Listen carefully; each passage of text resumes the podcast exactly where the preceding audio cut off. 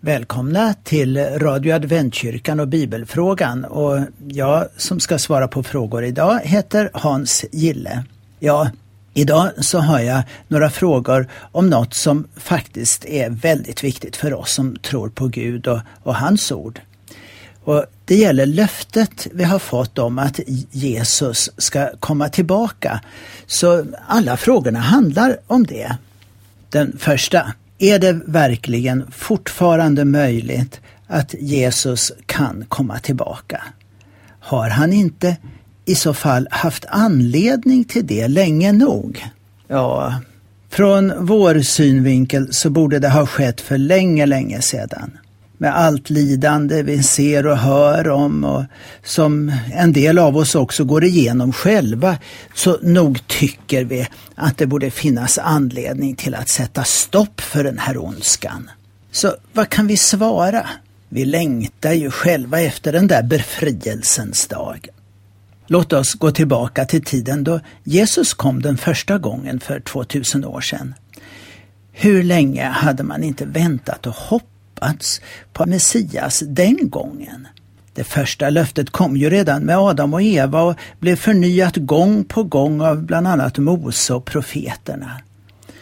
Och med krig och lidande i massor redan på den tiden Visst borde det ha funnits anledning långt tidigare för att Messias skulle ha kommit också den gången. Åtminstone som vi skulle se det. Men Paulus, han såg det så här om du läser Galaterna 4 och 4. Men när tiden var inne sände Gud sin son. Det där med att tiden var inne, det är något som återkommer på olika sätt rätt ofta. Ta till exempel Lukas 9.51 så återkommer det igen. När tiden var inne för hans upptagande till himlen vände han sina steg mot Jerusalem, alltså Jesus. Och lärjungarna hörde Jesus berätta om sin återkomst och de var lika nyfikna som vi. Ta Markus 13 och 4. Säg oss när det ska hända. Och vad blir tecknet på att tiden är inne för allt detta? Nej, Gud har sin tid precis som det står redan i Daniels bok 7 och 22, ända till dess att den uråldrige kom och ett domslut gav den högstes heliga deras rätt och stunden kom då de heliga tog riket i besittning. I 1917 års översättning stod det just tiden var inne. Så svaret är klart. Löftet finns kvar om att Jesus kommer tillbaka och dessutom Gud, han har sin tid. Ja, med tanke på löftet i Jesaja 60 och 22 där det står av den minste blir det en skara på tusen, den ringaste blir ett mäktigt folk. Ja, Herren ska låta det ske snabbt när tiden är inne. Så när det väl händer, då kan det hända riktigt fort. Den andra frågan som vi har här är mer eller mindre besvarad. Går det att veta när Jesus kommer tillbaka? Ja, du kan säkert eh, texten i Matteus 24, 36. Dagen och timmen känner ingen, inte ens himlens änglar, inte ens sonen, ingen utom Fadern. När Jesus säger att hans återkomst inte är något som ens han själv känner till, så varför skulle då vi klara av att räkna ut en sån sak? Tredje frågan, den är så här. Kan man se Jesus när han kommer tillbaka? Kan alla människor se honom? Ibland hör man om att det skulle bli individuellt vid olika tider som det sker. Är det vi som kommer till Jesus eller är det Jesus som kommer till oss? Ja, det är ju flera frågor det här. Den första är ganska enkelt som vi kan svara på.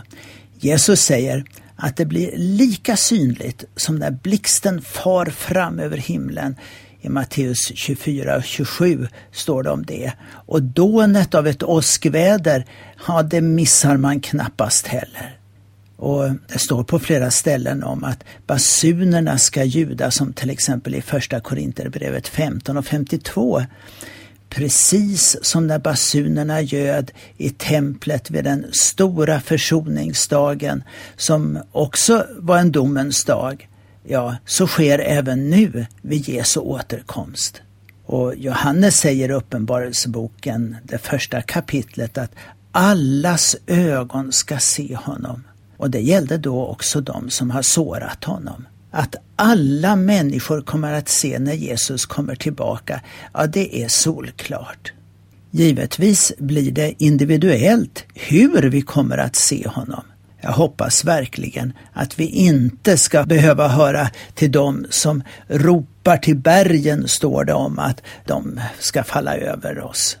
Lukas 23.30 stod det i. Så tillvida så är det ju individuellt. Men allt sker vid ett tillfälle. Låt oss gå tillbaka till första Korinterna 15 och 52 om basunerna. Jag kan läsa från vers 51 också. Vad jag nu säger er är ett mysterium. Vi ska inte alla dö, men vi ska alla förvandlas i ett nu, på ett ögonblick, vid den sista basunens ljud. Ty den kommer att ljuda och då uppstår de döda i oförgänglig gestalt och vi förvandlas. Om det verkligen är vid den sista basunens ljud som allt det här händer, då kan det inte finnas små privata tillställningar lite här och där, lite nu och då. Och märk väl, det är inte heller någon skillnad på om vi redan har dött och uppstår vid den där sista basunen eller om vi lever och förvandlas då Jesus kommer tillbaka. Den gamla goda undervisningen i bibelordet hjälper oss att inte bli lurade. Det är ju en del av orsaken till att Jesus undervisar sina efterföljare om vad som ska hända.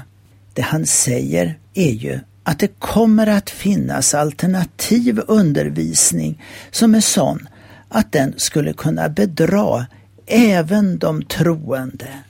Man kan undra varför Jesus varnar så tydligt för möjligheten av att bli lurad vad gäller det här med att han ska komma tillbaka.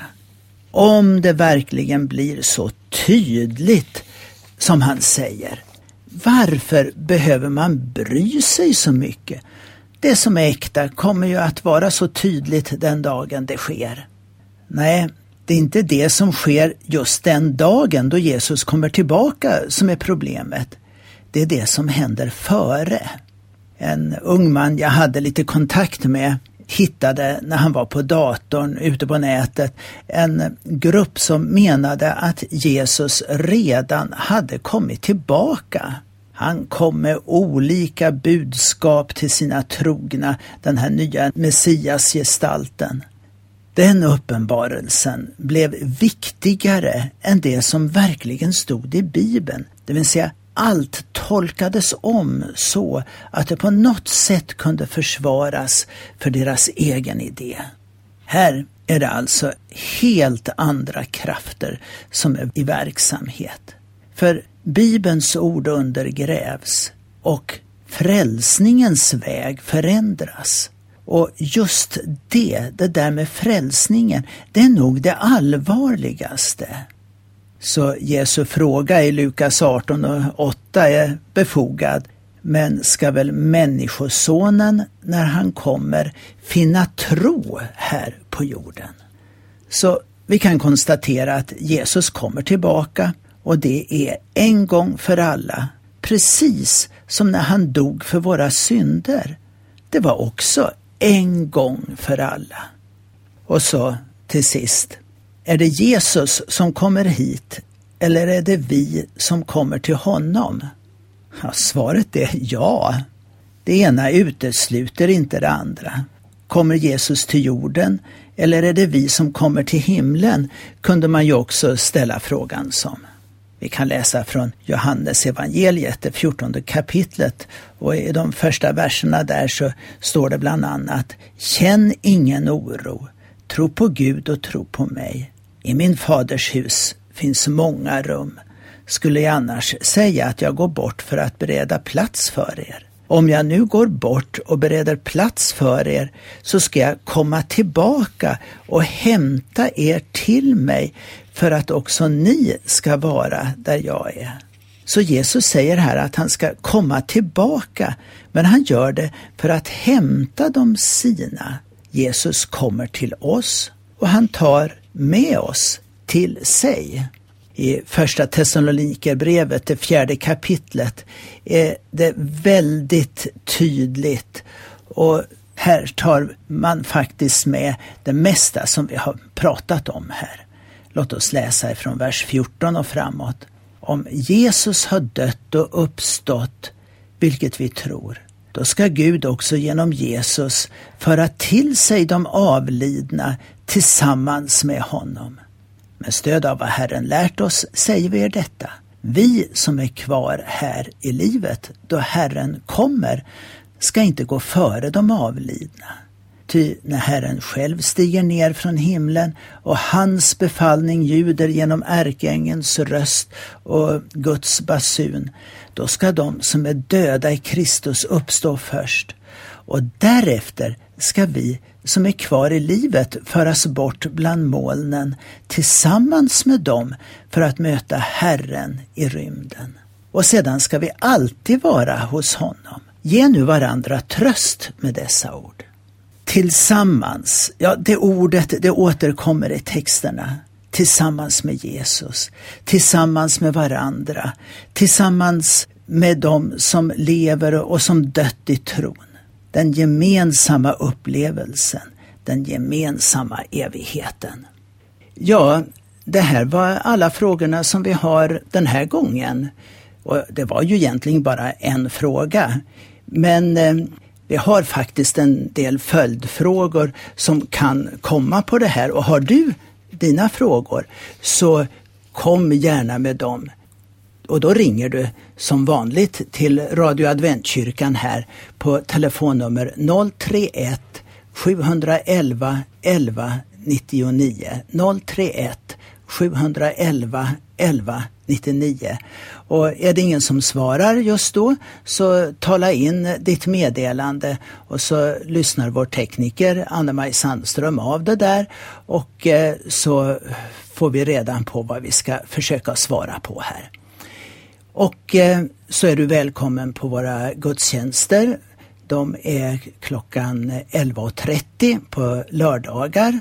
11.30 på lördagar och eh, du är hjärtligt välkommen också till våra bibelstudier som sker i mindre grupper lite runt om här i kyrkan.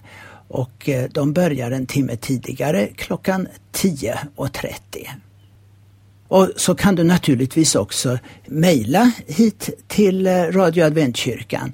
Då tar du i ett ord Radio Adventkyrkan snabela telia.com. Vad gäller frågor i Bibeln så har vi ju något som heter eh, Bibelbrevskolan, Hoppets röst och eh, Ringer du in hit till Radio Adventkyrkan och ger namn och adress så eh, kan vi se till att du får de två första breven på den. Eller så har vi ett informationsblad som vi också kan eh, skicka ut till dig bara. Så eh, får du reda på vilka olika kurser som går att få tag på. Så önskar jag dig riktigt mycket Guds välsignelse när du fortsätter att gräva i Guds ordet.